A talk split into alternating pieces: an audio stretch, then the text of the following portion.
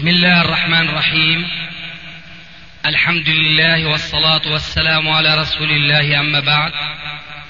فهذا أحد أشرطة سلسلة الهدى والنور من الدروس العلمية والفتاوى الشرعية لشيخنا المحدث العلامة محمد ناصر الدين الألباني حفظه الله ونفع به الجميع.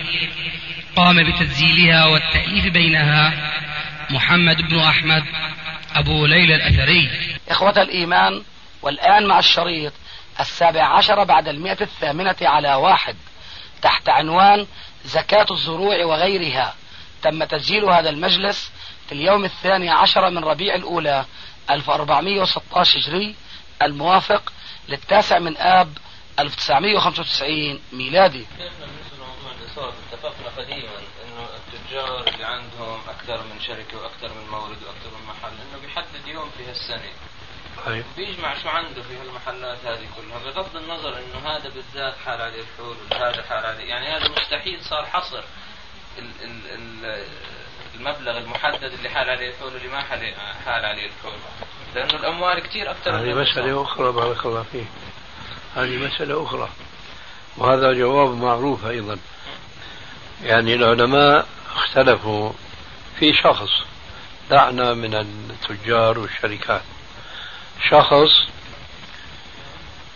في أول شهر محرم يجتمع عنده النصاب. في شهر محرم الثاني يجب عليه الزكاة. أثناء ما بين محرم ومحرم جاءته نصب. جاءته نصب. وضمت هذه النصب إلى النصاب الأول. في آخر السنة يعني في رمضان في محرم الثاني. هل يخرج عن نصاب؟ اللي مضى عليه الحول؟ وبغض النظر عن الأنصبة التي لو أراد أن يحدد أنصبتها يمكن يجتمع عنده عشرات الأنصبة طيلة السنة. فهل يخرج عن مجموع هذا المال الذي توفر عنده أم كل نصاب له حوله؟ قولان للعلماء القول الذي ترجح عندي هو أنه لا ينبغي أو لا يجب أنه التاجر أو الغني أنه يفتح دفتر لكل نصاب كل يوم أو كل خمس أيام أو إلى آخره وإنما بلغ نصاب واحد ثم ما يضاف إليه يخرج عن هذه المجموعة. ولو كان المضاف أكثر من النصاب وما حال عليه الحول فهو يذهب بشفاعة النصاب الأول. هذه مسألة أخرى. نحن نتكلم الآن عن شركة أنه يخلو أو لا يخلو. عرفنا الآن أنه بعض الشركات لا يخلو الخزينة من أن يستمر فيه نصاب على الأقل. إذا الزكاة واجبة على هذا المال المكنوز ولو كان نصابا واحدا. أما هذا التاجر الذي أنت تحدثت عنه فجواب ما سمعت آنفا. إذا هنا مسألتان واضحتان تماما. سيدي الصدقة على البضائع آه، اللي تكون في يعني في حوزة التاجر. طبعا هو أدى زكاته 2.5% على أرباحه أو على إيه، نعم. المبلغ اللي موجود عنده في وقت إيه، النصاب نعم. في بعض البضائع يعني بتكون آه، ما بتمشي عنده. يعني تكون كسا فيها كساد أو stock stock مثلا تعتبر stock. لكن هي طبعا آه، stock إنه مش بتكون سيئة. بتكون مثلا موسمها راح اي نعم. هل هاي يجوز يعني التصدق فيها؟ بس هي يعني جيدة. يعني يعني للفقير يعني يعتبرها شيء غير شكل يعني كحي أحذية ك مفهوم. يعني من الجواب من حيث الجواز يجوز. يجوز. لكن ليس مفضلا. نعم. لأن الله يقول ولا تيمموا الخبيث تنفقون منه. نعم. هذا طبعا الآية نزلت بالنسبة للتمر. التمر كما تعلمون أنواع. فكان أحدهم يأخذ التمر الرديء ويتصدق به. فأنزل الله عز وجل هذه الآية تربية لهم. نعم. آه، يعني الإنسان يجب أن تسمو نفسه. وأن تصفو عن الماديات بقدر الإمكان ويشارك إخوانه الفقراء في الطعام الطيب أو الكسوة الطيبة أو أي شيء يراد التصدق به. فهذا هو الأفضل. لكن هل يجوز؟ يجوز بلا شك. فهو خير من العدم. يعني إخراج هذا الزكاة من النوع هو خير من العدم بلا شك. لكن خير منه أن تخرج مما هو أفضل منه. هذا هو الجواب. مما تحبون نعم. تفضل. على حديث الشركات وما يكون في صندوقها وما لا يكون هناك أيضا في عالم الشركات طرق محاسبية متبعة ومقبولة وماشية في البلاد جميعا. منها مثلا أنه يحسب هناك اهتلاك للموجودات بنسبة كذا في السنة يعني بعد خمس أو عشر سنوات لو عندك مصنع يعتبر كأنه ليس موجودا من الناحية المالية. بطبيعة الحال هو موجود وبالعكس بيجوز تكون قيمته أكبر. يمكن فيما يتعلق بأمور الزكاة هذه الطرق المحاسبية المحاسبية لا يلتفت لها. ولا ينظر من وجهة نظر الإسلام. حابب أنه أشوف رأيك في هذا. ما استوعبت. يعني لما بيحسبوا الأرباح آه. ولما بيحسبوا الموجودات بيحسبوا كذا أنت جئت برأس مال وعملت مصنع. طيب. هذا المصنع حسب القوانين والأنظمة يهتلك. إيش؟ يهتلك يستهلك. يستهلك. قيمة مالية خلال فرضنا عشر سنوات. أي فكل سنة يخصم من رأس المال في الميزانيات أو من الموجودات بقيمة هذا الاهتلاك السنوي. وبالتالي نتيجة لهذا الاهتلاك يتكون عندك أرباح. أو لا يتكون. الصورة تبعت الربح والصورة تبعت الموجودات. مرتبطة بطريقة الحساب بينما الواقع اللي على الأرض يختلف. إنه لا يزال عندك موجودات كبيرة وتربح أرباح وإلى آخره. فيمكن لحساب الزكاة لا يجوز تبني الطرق المحاسبية المتعلقة بالشركات. هذا سؤالي. تفضل. مثلا عندنا سياره مثلا في الشركة قيمتها مثلا بالسنة اللي تم شرائها 10000 دينار. راح كل سنة بينزل استهلاك لها يعني بتصير 9000 والسنة التالية بتصير 8000 وهكذا. طبعا حتى انت لما بدك تبيعها ما راح تقدر تبيعها ب 10000 راح تبيعها ب 2000 آخر يعني بعد 10 سنوات أو يمكن لا تسوى شيء.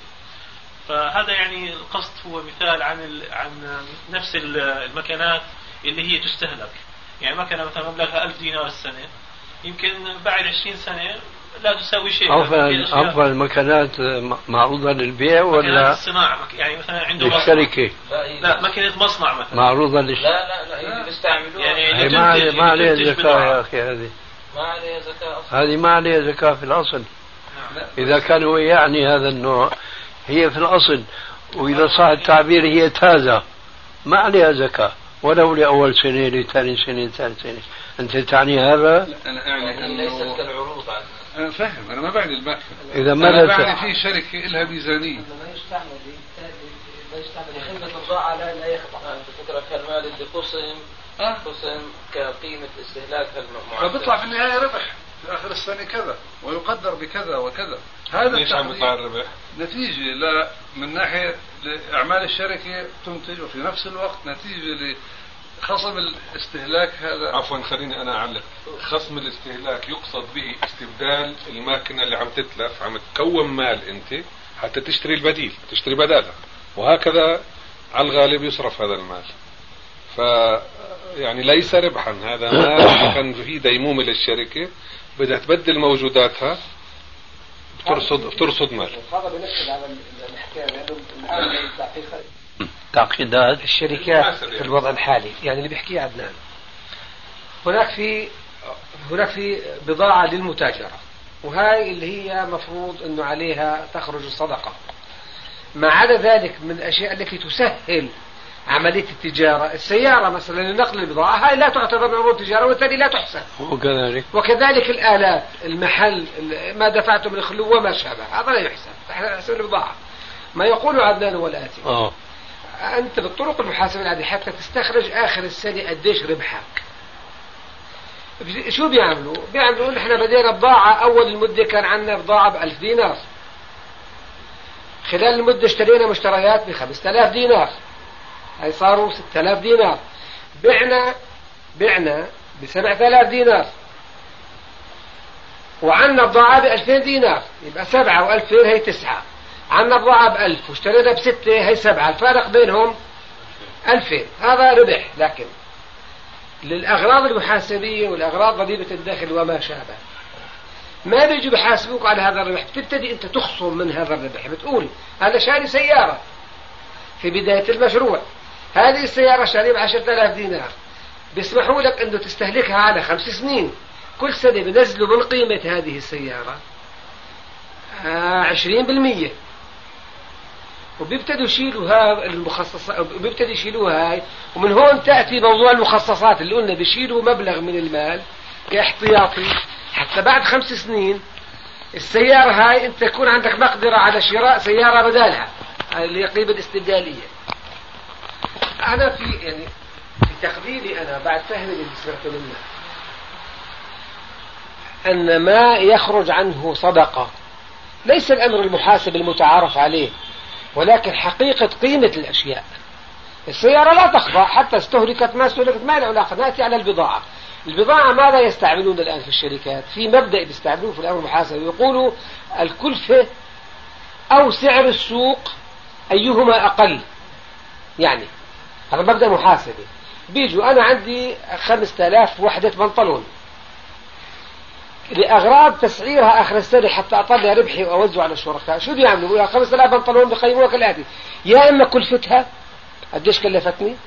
يا إما قديش بتسوى بالسوق؟ وبياخذوا أقلهما إذا سعرها بالسوق الآن أقل معناته البضاعة ما عادت تسوى خسرت. فبالتالي بيسعروها كلفتها تصبح سعر السوق. إذا لا سعر السوق أعلى. من باب التحوط بشوفوا قديش كلفتها أنت قديش اشتريت طيب هذا شو بيهمنا بالنسبة للزكاة؟ بهمنا يا سيدي تقدير نسبة الربح. نسبة الربح كيف تتحدد؟ يا أستاذ نسبة الربح ما نبي بحاجة نعرفها لأنه الربح سيكون واقعيا. نعم. سيكون واقعيا. نعم. يعني عندنا شيئين عندنا عروض التجارة وهي في مثالك لا عفوا لا الربح الذي يكون واقعي. اسم... خليه يكمل. خليه يكمل. عندنا شيئين على حسب ما أنا فهمت. عنا البناطل هذول البنطلونات هي عروض تجارة. نعم. هي عروض تجارة. نعم. وعنا الربح الذي سنستحصله من بيعنا لهذه البنطلونات. نعم. صح؟ إلى هنا؟ نعم. طيب. فنحن على ما شرحنا آنفا أنه هنا في علينا زكاتين. زكاة بالمال الذي نربحه من بيعنا لهذه العروض وزكاة العروض نفسها. فعندك مثلا ألف بنطلون فبتخرج منها خمسين مية إلى آخره. بقي عندك إيش؟ ألف إلا مية مثلا. هدول بعتهم بعت نصفهم إلى آخره. ربحت. هل اللي ربحته بلغ النصاب أو ما بلغ النصاب؟ بلغ النصاب واضح. ما بلغ النصاب في عندك مال مسبقا بتضمه إله بتخرج زكاته. شو بيهمنا بقى نحن هذا التفصيل؟ بقول لك شو بيهمنا آه. الجواب أخذته سابقا. لما أنت سالته عن الاحتياط اللي بتقطعه قاعد احتياط للخسائر لكذا إلى آخره. كونه نقد موجود عندك إن كان احتياط ولا مخصص استهلاك ولا إيش ما كان يكون كونه نقد موجود عندك النقد اللي موجود عندك بدك تزكيه. وعروض التجارة بتزكيها كعروض تجارة ما عاد في إشكال بغض النظر عن الحسابات عم بسأله أنا إنه حينما تأتي بحساب ما يجب عليه الزكاة من ربح أو كذا لا تنظر إلى الميزانيات قديش بيطلع لك في النهاية الربح الصافي كذا وإنما تنظر قديش في نقد وقديش في بضاعة وقديش في معدات متفقين عليه. يعني بدك تفصل حساب الزكاة عن حساب موازنات الشركات هذا اللي بقصد على الآن لا هذا يعني هذا متفقين عليه. بس لا هذا ولا ذاك إحنا اتفقنا على إنه هناك نوع من البضاعة ما تقدر توزعها بدك تطلع قيمة مش مشكلة. كونه ما في نسبة محددة للقيمة هاي غير ما عاد في كثير مهم إنك تعطي بضاعة يا. قيمة 10000 ولا 15000 ما نسبة القيمة انت حتى الآن حدد خلي خلينا نفهم من أبو يحيى. الآن حتى قضية الربح أبو يحيى شو ما الذي يرد علينا؟ هلا هذا اللي بدي. تفضل. الآن أنا بدي بدي أطلع ما نابني من ربح. لا لا تقول ما نابني أنت شخص واحد. لا تشكل لي إياها. أنت شخص واحد. أنت تاجر. عندك ألف بنطلون. امشي بقى في مثالك. إحنا ما- يعني أنا ما عم بدي افرض الشركة هاي تاجر واحد. أنا عم بدي افترض انه يا أخي بنحل المشكلة بالبساطة بواحد بعدين ننتقل ل- طيب. نشوف. هلا أنا أنا لأنه أنا هلا لما اعمل مش عندي إذا سمحت. أنا لما معطيك الجواب المسألة ما فيها إشكال. يا زكاة عروض تجارة يا زكاة ال- الربح أو اثنين. فأنا لما عم أعطي النتيجة هي. عم أتصور تاجر. أنت عم تتصور شركة. آه. لا خلينا نحل خلينا الان نختار هون، خلينا خلينا إيه. هلا هو- يعني اسمح لي. يعني يحدد شو اللي- اسمح لي اسمح لي شوي. خلينا نحدد الكلام. الآن أنت كان في ذهنك شركة. أنا في ذهني فرد تاجر. مع هذا التحديد في إشكال على جوابنا السابق؟ لا. لتبسيط الامر بدي أقول إنه أنا تاجر واحد. ما جاوبتني. في إشكال؟ يا سيدي في بعدين بنحل أيوة. حله اللي بعدين. هو اللي عم نحكي كل هالتفاصيل هاي إنه في احتياطيات في كذا في أشياء استبداليه بس خلينا الآن اللي حتى نستفيد حتى أنا اصل إلى حصل خليني أقول إنه أنا تاجر واحد وعندي 100 بنطلون الآن أنا ربحي الربح اللي بدي اخذه اخر السنة. واضمه إلى نصابي أنا عم اتخيل انه إحنا أنا بدي اخذه واحطه والقضية محلوله وما راح يحصل هيك؟ راح يحصل إنه أنا راح آخذ جزء منه. شو بدي بها الاستعباد كلها؟ أنا بدي أدرس الواقع بارك الله فيك. بدي عن واقع. لا أنت عم تقول بعمل حساب بدي أتدخل أنا في اتفضل. أقدر أوضح بسؤال. لا لا آه آه، تفضل. كده أقدر أوضح. في نوعين من الشيء اللي بسموه رأس مال. في رأس مال يحطوا الشركاء أو يحطوا صاحب المصلحة في إنشاء هذه المصلحة اللي هو بيروح في العمارة وفي الماكينة وفي الموجودات اللي ممكن تشغل مصنع. بعدين في مال يخصص لشراء بضاعة وبيع هذه البضاعة وبعدين بينشأ عن هذه العملية الربح اللي هو التعامل مع هذا المال. ذاك المال أنا بعتقد إنه يعني موتناه أو جمدناه في المصلحة. بعدين في المال اللي بنشتري فيه بضاعة بنحولها لبضاعة أخرى بنبيعها بينشأ عنها الربح يمكن الغموض صاير بين الخلط آه، في أمر الخلط ما بين الربح وهذا المال اللي هو عبارة عن سيولة. هل هذا المال اللي بنتداول فيه يحق؟ يعني لازم ندفع عليه زكاة ولا لا؟ لأنه هذا مال عامل.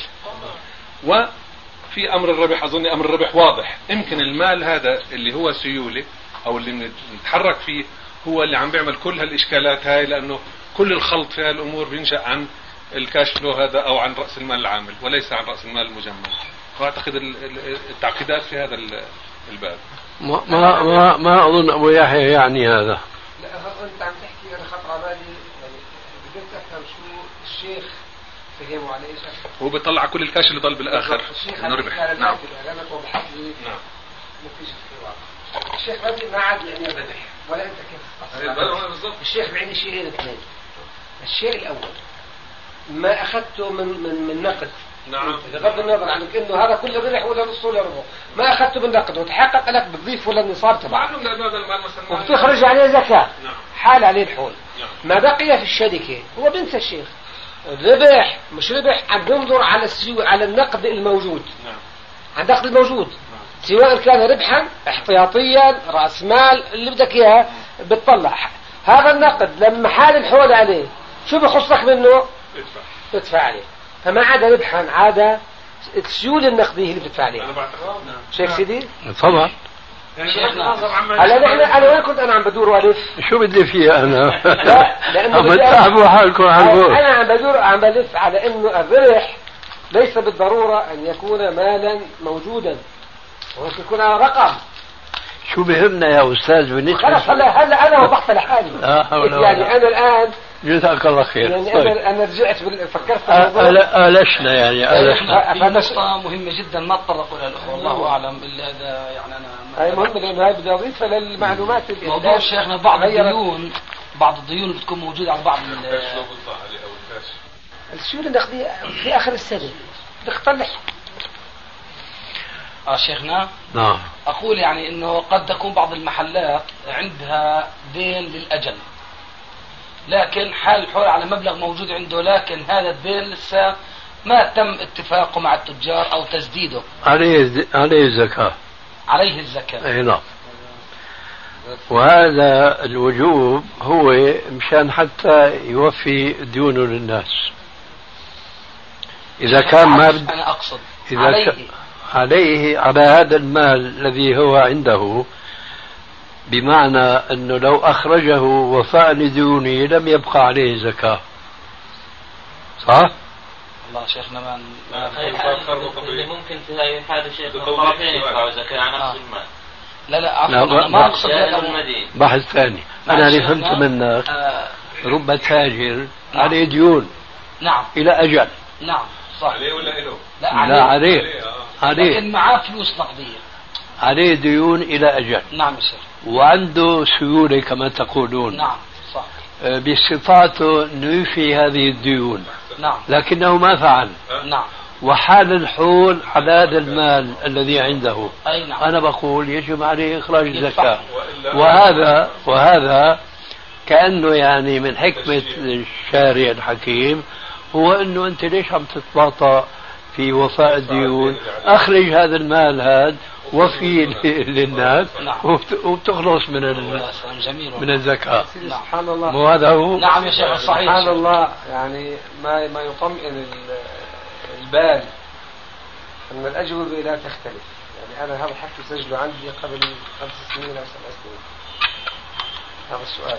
آه. وهذا التفصيل وارد وسجله عندي حرفيا. سبحان الله. يعني كنا نعمل سابقا إنه أنا إلي دين على الناس هالقد الناس لها دين علي هالقد نعمل مقاصد.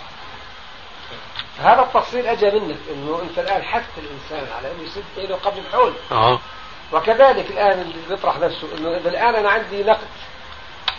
وهذا النقد بخليه لا اشتري فيه بضاعة. هي ليست من باب الحيلة الشرعية إنه قبل ما يحول الحول إني أشتري بضاعة. آه. يعني اعجل في هذا الأمر حتى لا أبقي نقد لأنه أنا أصلا بخلي لي هذا الغرض.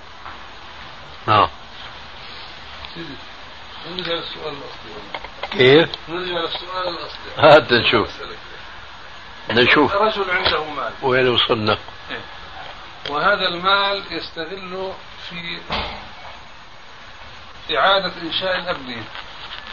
يعني تيجي على بناية قديمة تحط فلوسك في إنك تجددها تأخذ موافقات وإلى آخره وتخرجها بحله جديده وت- وتعيد بيعها.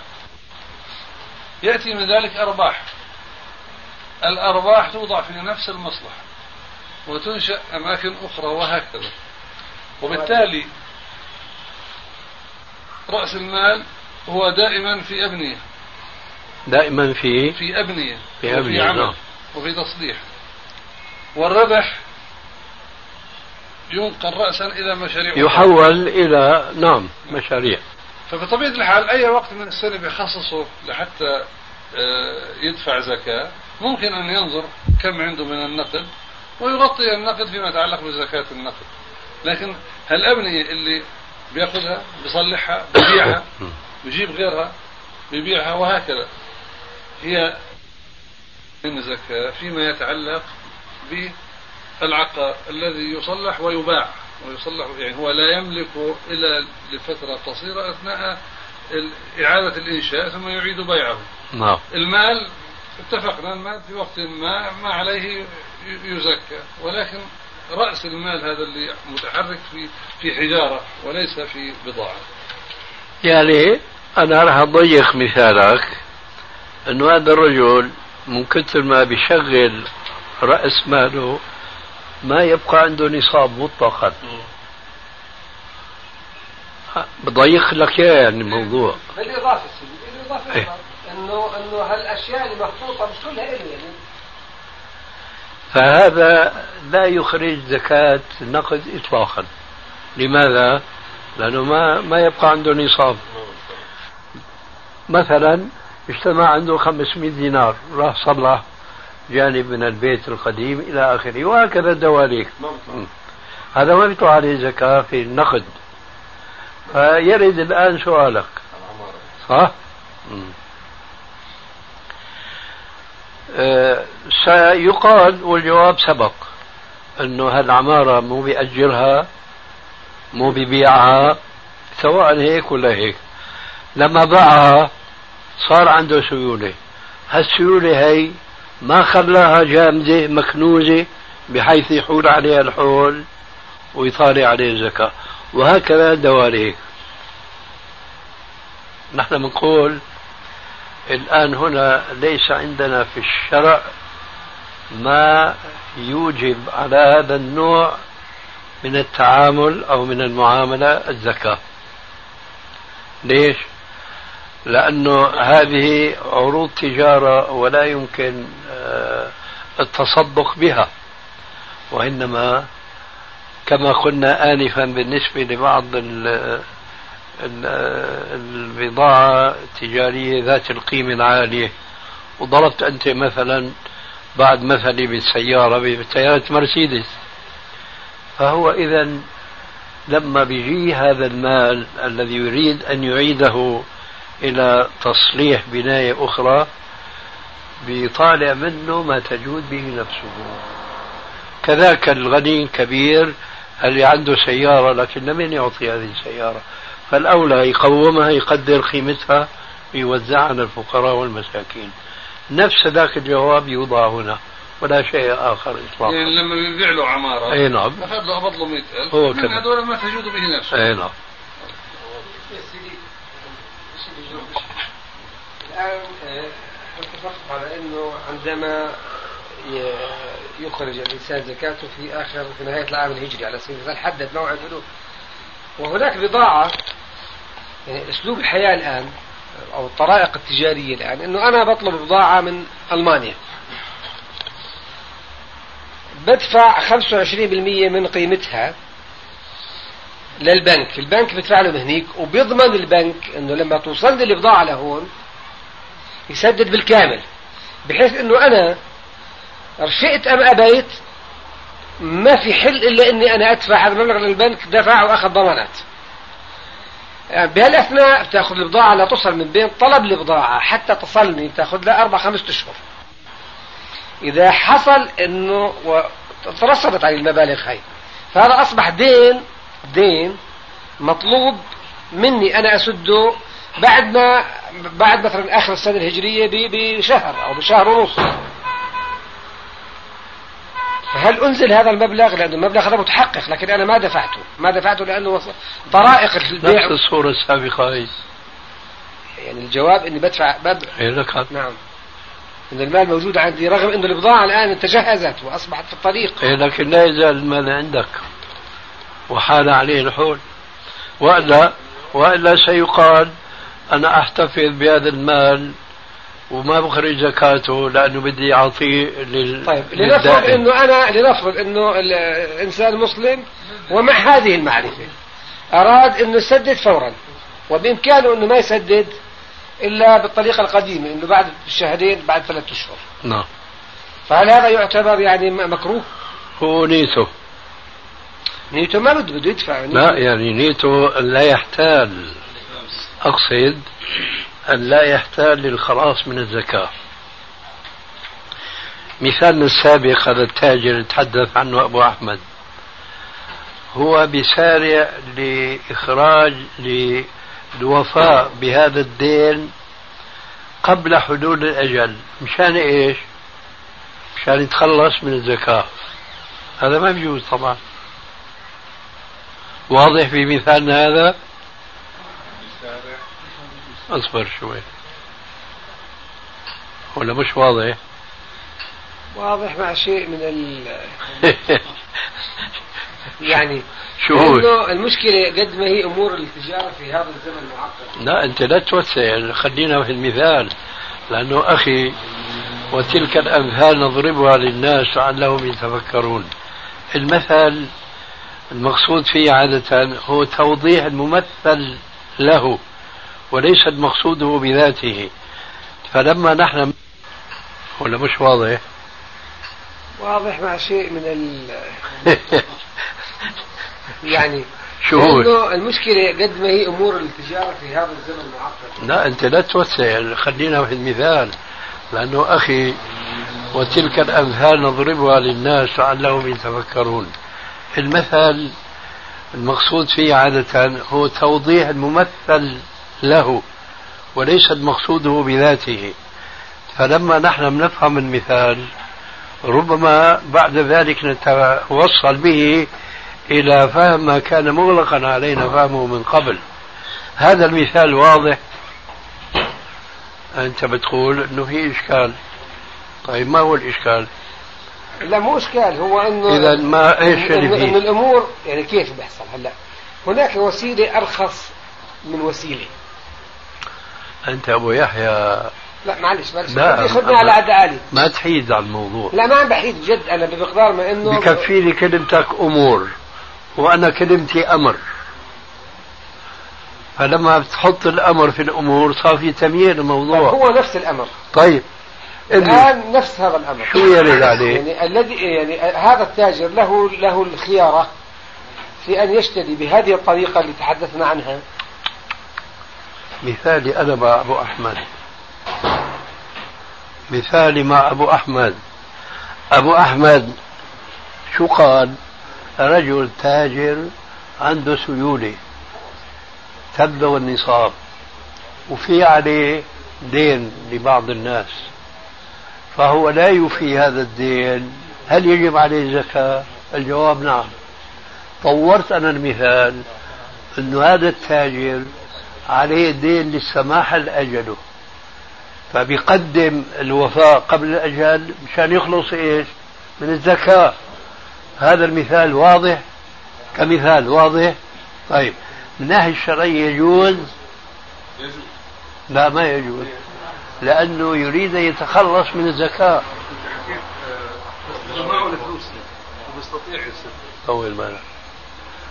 الموضوع أيوة. في فرق. الموضوع هنا النية كان تسبيق الأجل هو فقط للتفادي هو هذا. غير غير المثال. الأول. أنا أنا طورته أنا طورته إيه لكان آه خلص لأجل هي صار تحايل. هذا المثال. ليش أنا ما تاخذوني بتشو بتشوفوني متعصب لرأيي أو لمثالي؟ لأني في ظني والله أعلم انه هذا المثال بحل إشكال غائب عن البال يرحمك الله. فالآن هذا المثال اللي أنا أخذته من أبو أحمد وطورته لأجل. فهو بيخرج الزكاة بيوفي الدين قبل حلول الأجل عشان يخلص من الزكاة. هذا العمل يجوز؟ لسه ابو يحيى في عنده شيء. لا لا آخر لا يجوز. ما بيجوز. طيب الآن الصورة اللي أنت عم تحكي عنها الآن إما بتكون إلى علاقة بالصورة تبع أبو أحمد فهي جائزة أو إلى علاقة بالصورة تبعي المعدلة فهي غير جائزة. فهي واضحة. صح ولا لا؟ ما ما بناخذ جواب من ابو لا لا, لا, لا هي آه خلص هي هي مرجعها النية. أصبح مرجع النية طبعا كان شو عم نقول مرجع النية ما لها دخل النية هنا؟ لا. أنت جيت تطشي ما تأخذ الأولية. لا بالعكس هي الفيصل النية فقط يتفادى الزكاة لأنه أنا الآن هذا انتهينا منه. في واحد غير قسطي عنده دين أجل يعني شو طلع معك يا يمكن هذا الحديث شيخنا شجاعي برضه اللي أوله ما من مؤمن إلا وله ذنب يعني كيف يعتاد البينة والبينة؟ لا ذاك الحديث اللي يعني اللي ذكرته الأول. الآن طريقة الاستيراد بال letter of credit أغلى طيب شفته بالمؤمن؟ هذه بتدفع رسوم وكذا ووصول البنك يعني ابتداء اذا أنت دفعت نقدا هذا ما عليه ضيف لكن أن تكون أنت طالب هدف الدنيا وحال الحول بدك تدفع زكاه تغيرها حتى تدفع كاش خلاص هي إنك إنك أيوه تمام تمام نفس الشيء. لكن ابتداء لو أنت بتعمل يعني ابتداء سؤالي الاسئله يكون تفضل لو أنت ابتداء بتعمل هذا الأسلوب دائما تدفع نقدا كمان بذهنك انه إنه حقيقة تستحق البضاعه بدل ما يحول الحول عليك. ويصير نصاب ما أظن فيها شيء لا ما فيها شيء لكن إذا يعني كلها زي ما النية النية هون برضه كمان نيتك آه، لا نيتك برضه مصدقة آه وليس أنا ما بدي يعني أنا الآن هاي ما علاقة بالزكاة النية صح بدك تدفع كاش بدك تدفع كل الاشياء آه بس يعني بذهني إني أنا الآن أكون ذات حق الباقي إيش وجع رأسك؟ اكون ذات حق الباقي برضه كمان حتى ما ادفع عليه حتى ما احطه في النصاب لأن هي حقيقة في النصاب. هي البضاعه في النصاب. مش للنقل والله هذا هيك صار بده جواب. السؤال هذا سؤال. صار لابد منه. هذا صار صفقة سيدي زي سؤال الشخص اللي بيروح بيشتري بضاعة. بس جوابه النية قبل ما يصير الحول. إيه، كمان كمان ما بيجوز. ما بيجوز. لا لا شوف. لا لا لا لا، لا، هذا. معه كاش والفكرة إنه هل يختار أن يتداين أو إنه يدفع ثمن البضاعة هو ما الذي يلجئ التجار إلى دائما تفضيل الشراء بالأجل؟ انه دائما المصاري اللي عنده بيخلوها لاحت لوحة صار إشي بسرعة كذا. الآن سؤالي هون مع مع دقة السؤال. إذا إنسان قرر في تجارته أنه دائما يشتري نقدا وبذهنه وبذهنه إنه يا أخي أنا ليش يعني دائما يكون عندي نقد احتياط ويجي يحول عليه الحول وأدفع. بخليه كله دائما بضاعة عروض تجارة. هل في ضير في هذا الشيء؟ مع إنه نية هون جزء من نيته على إنه ما بده يفاجئوا الحول عليه وهو عنده نقد مش بضاعة علما بانه بده يدفع البضاعة على العروض التجارة يعني لكن مش بقدر محدد. هون برضه فيها نفس الريبة وهو مخير ابتداء طيب يأخذ بالبت... على التراخي. لو كانت النية ما يدفع عروض التجارة زكاة عروض التجارة يختلف الحكم؟ طبعا. إيه. وأنا بقول معك طبعا الأمر جائز. جائز. أي نعم. لله. هذا ما نسمعه. لأنه أنا أنظر لموضوع ما هي الحكمة في عدم فرض الشارع الحكيم على عروض التجارة زكاة مقننة محددة يرغم التاجر على إخراجها كما يرغم على إخراج زكاة النقدين بالمية اثنين ونص شو. الحكمة؟ الحكمة من ذلك تشجيع التجار إلى تشغيل رؤوس الأموال نعم لأن ذلك أنفع نعم نعم. للمجتمع الذي فيه الفقير والغني والمتوسط الحال وهذا أنا بقوله جوابا عن بعض السطحيين اللي بيقولوا إنه أنت لما بتقول إنه عروض التجارة لا تحول إلى النقد لا تقوم معناها حرمت الفقراء حقهم من المال المنصوص عليه في القرآن. أنا بقول لا. أنا أسأل سؤال حسيت اقتصادي وهو هناك تاجران. أو غنيان بالأحرى والأصح تعبيرا. غنيان. كل واحد عنده مليون. أحدهما اكتنز مليونه في صندوق الحديد لكنه يخرج زكاته. الآخر حول مليونه إلى عروض تجارة إلى مشاريع يستفيد منها عامة أهل المجتمع. أيهما أنفع للمجتمع؟ فقراء ومتوسطي الحال وأغنياء. الذي كنز أم الذي صرف؟ حتى ولو لا شك. دفع عروض تجارة أقل آه. نظريات الاقتصاد الحديثة كلها تقول هذا. هذا هو لذلك ربنا أعلم بما شرع. آه كويس. ما من عبد مؤمن إلا وله ذنب يعتاد الفينة بعد الفينة. أو ذنب هو مقيم عليه لا يفارقه. حتى يفارق الدنيا. إن المؤمن خلق مفتنا. توابا. نسيا إذا ذكر ذكر. ما من عبد مؤمن إلا وله ذنب. يعتاده الفينة بعد الفينة. أو ذنب هو مقيم عليه لا يفارقه. حتى يفارق الدنيا. إذا هن جنسان. إن المؤمن خلق مفتنا توابا نسيا إذا ذكر ذكر. نسأل الله أن يجعلنا من هذا النوع من المؤمنين. الله صورة واحد. شيخنا صورة يعني لعلها أخيرة في موضوع التجارة. والذنب إنسان. مثلا رتب ترتيب مثلا في كل نهاية السنة أو كل رمضان إنه ما يكون في نهاية رمضان أو عليه أي شيء من الدين. مرتب تنظيم هيك حتى إنه يخرج في النقدي شو بصفى مع نقدي بدي أنا أزكي عليها. وهروبا من الزكاة أي شيء ممكن نسميه الواحد. لكن أنا ده نظام هيك محلي. هذا جائز شيخنا؟ ماني شايف في شيء. جائز لأنه أنت ما بتقدر ترتب أمورك الا زي ما ربنا بيسر لك. طالما أنت ملتزم بالموعد. أما نعم. عم يقول عم يقول إنه مرتب حاله أول رمضان اللي هو الوقت اللي بيزكي فيه. نعم. ما يكون عليه دين ابدا. أيوه. افترض إنه عليه دين لأجل في خلال هاي المدة. بيلغي أجله. لا ينظر للنية. هو ليش لا رتب لك النية يمكن يتفادى الزكاة. ليش رتب الترتيب؟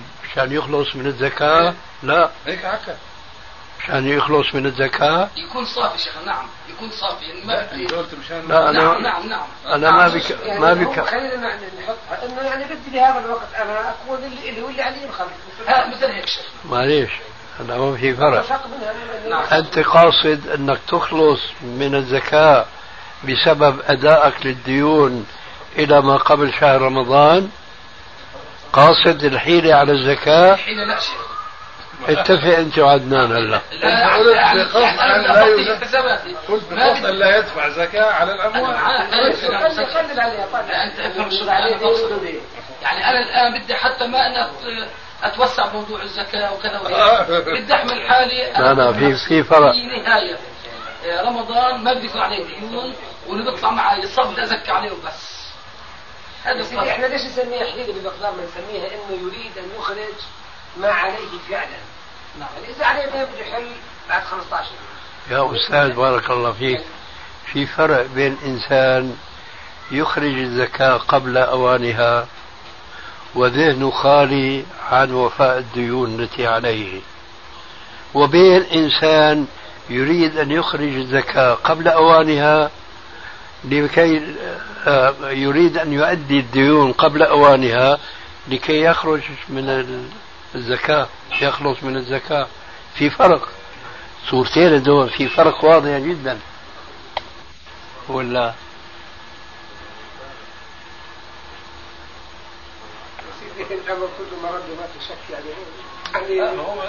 هذا في عنا بالحديث. قبل اوانه مشان ما يدفع زكاة هذا لا يجوز في عنا بالحديث أن العباس عم الرسول أخرج الزكاة مقدما زكاة سنتين. شو رأيكم هذا جائز ولا مو جائز؟ منك جائز هذا هذا ما دام أذن الشارع به ليس كأداء الصلاة قبل وقتها وإنما هو الاستعجال بالخير. هذا كرم نفس قد يفقر هو من بعد ما أخرج هذه الزكاة. كلام سليم. أنا خلت بما انك مرة كمان شيء وأريد أن أؤكد لأن الموضوع الحقيقة هام جدا بالنسبة لي فهمت منك إنه آه، لا يجوز إني أنا إذا غلب على ظني إني أنا الزكاة طلعتها بالكامل إني أدفع بدون ما زي- زيادة بدون ما أحسب. إيه ممكن. يعني يجب إني أحسب اولا وبعدين إذا بدي أطلع زيادة أطلع. أما يعني يعني أنا بعرف مثلا تقديرا هيك إنه أنا عندي 5000 دينار بالحد الاعلى بيطلع لي كذا فما بحسب. طلع زيادة. نعم. لكن ما بمسك ورقة وقلم وبحسبها وكذا وكذا إلى اخره ثبت منك انه الحق غير جائز. غير جائز؟ إيه. لا هذا هنا جائز لكن اللي مو جائز هو في في صدقة المولود. لعله في اشتباه بين مسألة وأخرى. بمعنى تعرفوا أنه المولود حينما يولد بيترتب عليه أحكام عديدة. مو حكم ولا اثنين. من جملتها أن يحلق شعر رأسه وأن يوزن. لا. وأن يتصدق بوزن شعره فضة. فرب إنسان ولا سيما إذا كان من الأغنياء بيقول بلسان الحال أو بلسان القال شو بدي بيه لبكي أنا؟ أنا بطالب زيادة. هالشعر هذا مهما كان كثيفا لأنه فعلا الأطفال بيختلفوا من هذه الناحية هذه. شو بيطلع؟ دينار خلي يكونوا دينارين خمسة عشرة شو بهم هو؟ لا منقول أنا لا. يجب أن تنفذ النص. تحلق الشعر وتروح توزنه وتعرف ما هو الواجب عليك. فإذا عرفت ما وجب عليك وأخرجت زيادة حينئذ فمن تطوع خيرا فهو خير له. أما في الزكاة ما في عنا شيء يوجب علينا أنه نعمل حساب لكن واجب علينا أن نخرج بالمية اثنين ونص. فإذا أعطينا بالمية أضعاف مضاعفة. ما بيدنا الشارع ليش ليش ما عملت أي نعم. ليش ما عملت حساب؟ لأنه ما في علينا هذا التكليف كما هو الشأن بإيش بشعر المولود الشيء الثاني المثال اللي ذكرت اياه بالتحديد. قلنا بيبيع بيعة بيروح يدفع منها إلى آخره. طيب لو تواجد عنده بناية وقعدت مدة هل هذا يعني يقيم قيمتها برضه؟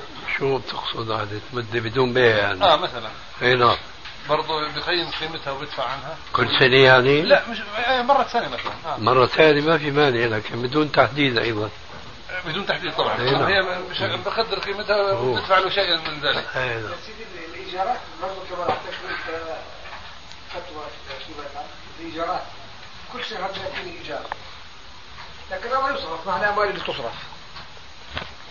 فبالتالي آه، يعني لا يعني بما انه أجرتها شهرية فهذه من ضمن المصاريف تصرف. فبالتالي آه، يعني آخر السنة اللي حدد فيها الإنسان موعد موضع آه، إخراج الزكاة ما بقي من هذا يضاف إلى إلى إلى النصاب أليس كذلك؟ هو كذلك. يعني أنا كنت سابقا وما زلت الحال الحمد لله. يعني أول بأول بطلع. لكن إذا سلكت هذا المسلك بأنه أنا في يوم محدد من السنة شو عندي؟ بغض النظر. ما في مانع يا أستاذ كان خلت النية من حيلة شرعية. آه ابن عباس لما أخرج عن سنتين. إذا في السنة اللي بعدها مو ابن عباس أبوه العباس. العباس لو في السنة اللي بعدها كان عنده مال أكثر يزكي عن الفرق؟ فرقية يعني. ولا خلص المال الأكثر إذا ما أخرج زكاته فكل شيء بيحسب يزكي عن سنتين. فاهم فاهم. فإذا كان السنة الثانية فيها أكثر لازم يخرج زكاة كل شيء بحسابه إيش العكس؟ خلاص. من قلنا انفا قد يفقر. قد يفقر. طبعا إحنا بحكي قد يفقر في الجواب. ما ما ما بيدخل السنة اللي بعديها. غني بده يدفع. يعني إذا زاد بعد ما زاد ما بيدخل السنة اللي بعديها. كرم. السؤال الآخر إنه بالنسبة للذهب اللي تتحلى به النساء. آه عليها زكاة. عليها زكاة مرة واحدة. لا والله. كل سنة؟ كل سنة. لحتى يخيس وما يكون عليه زكاة. كل سنة عليه زكاة أما الجواهر برضه كمان؟ لا. لا لا الجواهر الكريمة والبلاتين اللي هو أغلى من الذهب. ما عليه زكاة. أي نعم ويجوز التحري به ولو كان محلقا. غير الذهب. أما الذهب يزكى كل عام. كل عام. اللي هو الذهب والفضة كل عام. ولو كان حلية يعني. مش أي نعم. يعني هذا هذا أولى بإيجاب الزكاة من الكنز. لأنه يتمتع به أكثر مما يتمتع صاحب الكنز بكنزه. صحيح. شو الحكمة اللاتين ما ما بعرف بيمشي الحال إلا الله أعلم. لا لا. شو الحكمة إنه صلينا المغرب؟ لا لا, مش لا هيك. طول لا، بالك لا، عليه يعني شوي. فهمني ليش إحنا ما ندفعش لا، الله أعلم هو السؤال الجواب الصحيح لسؤال يعني حسب النص. طيب. الله أعلم هو. الجواب الصحيح إنما يعني ما أظن في يعني. البلاتين هو ذهب ولا مش ذهب؟ نوع لا مو. ذهب. لا؟ لا. يسموه الناس ذهب أبيض. آه بيسموه صحيح. مثل ما بيسموه الذهب الأسود. ليس مالا؟ بلى. ليش ما ندفع عليه زكاه؟ لأنه ما فرض علينا الزكاة على كل مال هو اللون أبو ليلى حطوا عندك هنيك نعم. كنت عم بتحدث أنا في إذا إذا كان لديك وقتا بنحب الحديث اللي قرئ ما من عبد مؤمن كذا إلا يعني وردت كلمة إنه إنه نسية بمعنى إنه بينسى. وكأني يعني وهذا الله أعلم إنه هذا ما ترتاح له النفس إنه شرط النسيان أن يكون هناك وإلا يخرج الأمر عن أن الإنسان يقيم على هذه المعصية مع سبق الإصرار يعني أن يعني هل يشترط في هذا الحديث أن الإنسان يعني مفتون ثم يستغفر؟ طالع طالع الحديث. ثم ينسى؟ يعني هل النسيان شرط؟ أم وهل هذا لا يتناقض مع أنه يقيم على هذا الأمر حتى مماته قبل أن أعيد النظر إلى نص الحديث يبدو لي أن النسيان هنا ليس بمعنى نسيان الذهن وإنما هو بمعنى ومن أعرض عن ذكري فإن له معيشة ضنكا ونحشره يوم القيامة أعمى. قال ربي لم حشرتني أعمى وقد كنت بصيرا؟ قال كذلك أتتك آياتنا فنسيتها أي تركت العمل بها. هكذا يبدو لي قبل أن أعيد النظر إلى نص الحديث وليس المقصود نسيان الذهن فهو يقول هنا ما من عبد مؤمن إلا وله ذنب يعتاده الفينة بعد الفينة. أو ذنب هو مقيم عليه لا يفارقه حتى يفارق الدنيا. جملة مستأنفة الآن حتى يمكن أن تكون قطعة مستقلة عن الحديث. إن المؤمن خلق مفتنا توابا نسيا يعني يترك القيام بما يجب عليه. وإذا ذكر ذكر. الآن هذه الزيادة تقلب الموضوع. الفهم السابق إلى أن المقصود هو النسيان العادي المقصود النسيان العادي حينئذ إن المؤمن خلق مفتنا توابا نسيا يعني ينسى أن يتوب فإذا ذكر ووعظ. وإلى آخره تذكر وتاب ورجع إلى الله عز وجل. كيف نربطه الآن آه في في صدر الحديث. ما سبق الجواب. هذه الجملة كأنها مستقلة. ليس لها ارتباط بما لا بس سبق هي معلش هي هي يعني الآن ببداية الحديث نعود فنقرأه مرة أخرى. ما من عبد مؤمن إلا وله ذنب يعتاده الفينة بعد الفينة أو ذنب هو مقيم عليه لا يفارقه. طيب سيدي حتى يفارق الدنيا. نعم. كلمة ذنب مقيم عليه لا يفارقه. لا يعني أنه تركه ثم تاب لا. ثم نسي لا. ثم لا. لا. لا يعني. لذلك أنا بقول هذه الجملة الوسطى وهو قول عليه السلام أو ذنب هو مقيم عليه لا يفارقه حتى يفارق الدنيا. ليس للفقرة الأخيرة علاقة بما سبق. إن المؤمن أي المؤمن الكامل هنا لازم نضيف الصفة هذه. إن المؤمن الكامل خلق مفتنا توابا ليس كالذي قبله. يفارق الدنيا وهو ملازم للذنب. إن المؤمن الكامل خلق مفتنا. توابا نسيا. إذا ذكر تذكر أو ذكر. ما أظن في علاقة. طيب ممكن شرح شرح منك معلش بكامل الحديث الآن كيف؟ يعني شرح منك الآن بكامل هذا. إيه. كما تريد أن ندخل شرح الكامل الحديث.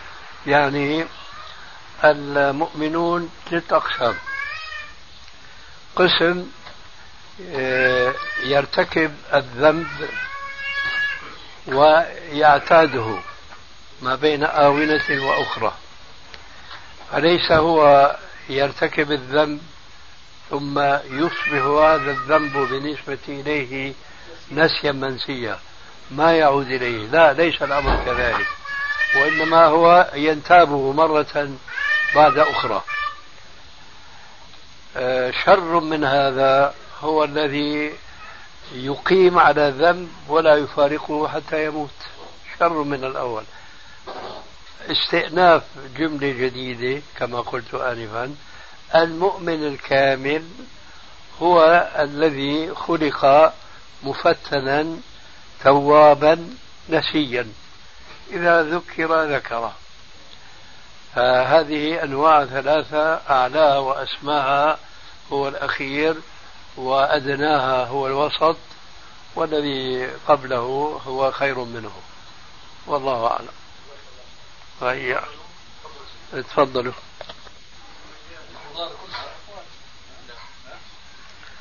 لا. النص من حيث روايته عن الرسول عليه السلام لا يصح. لكن اتفاق السلف على هذا.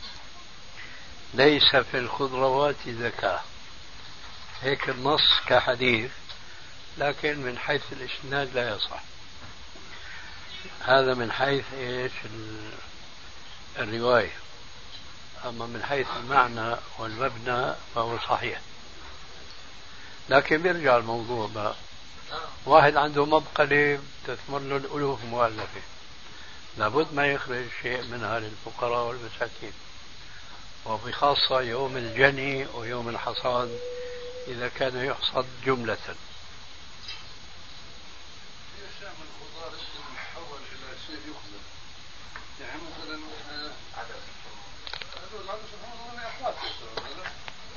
اي نعم والرز كذلك لكن لا ليس عليها زكاة. ليس ولا الزكاة المقننة. إذا أطلقنا فنعني الزكاة مقننة. في غفلة في غفلة عنك على ممارساتنا نحن بيطلع عنا دراء بيطلع عنا تفاح مش كميات مش يعني كذا. طبعا يعني إحنا حاجتنا بسيطة لكن الباقي بنهديه. يعني بنبعته للأقارب. منهم يعني منهم الغني ومنهم الفقير. فيعني الآن يعني إحنا الآن طالما بده يطلع منه صدقة غير محددة يوزع منه. هل يجزئ ويغني إنه يوزع على الاقارب بغض النظر عن حالتهم آه، المادية أو إمكاناتهم أو فقرهم أو غناهم؟ هل نعتمد كلامك الأخير أم كلامك الأول؟ نعم سيدي شو السؤال؟ هل نعتمد في الجواب كلامك الأخير أم كلامك الأول الذي فيه أنه تعطي للأقارب كانوا أغنياء ومنهم فقراء نعم أو كلامك الأخير الذي لم يأتي فيه هذا التفصيل. والله اثنين سيدي إذا تكررت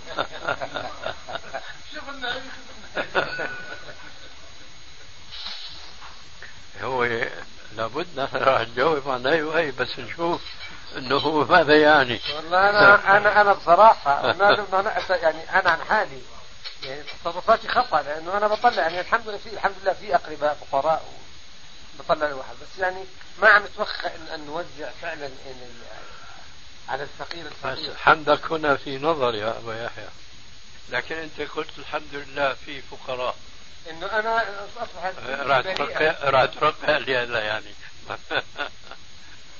أنت بدك تقول الحمد لله إنه نتصدق عن الفقراء. لكن نحن نحاسبه على لفظه نعم. وليس على قصده. نعم. قصده معروف. هذه الدقة نتعلمها دائما. عفوا. بارك الله فيك. إذا كان الواقع هو هكذا فقد قمت بالواجب وزيادة. أما الواجب هو أنك أخرجت زكاة المال للمستحقين من الفقراء. أما الزائد فهو أنك وصلت الأقارب بشيء من الهدايا والتحف أيضا. هذا هذا إذا صار شيخ يخشى منه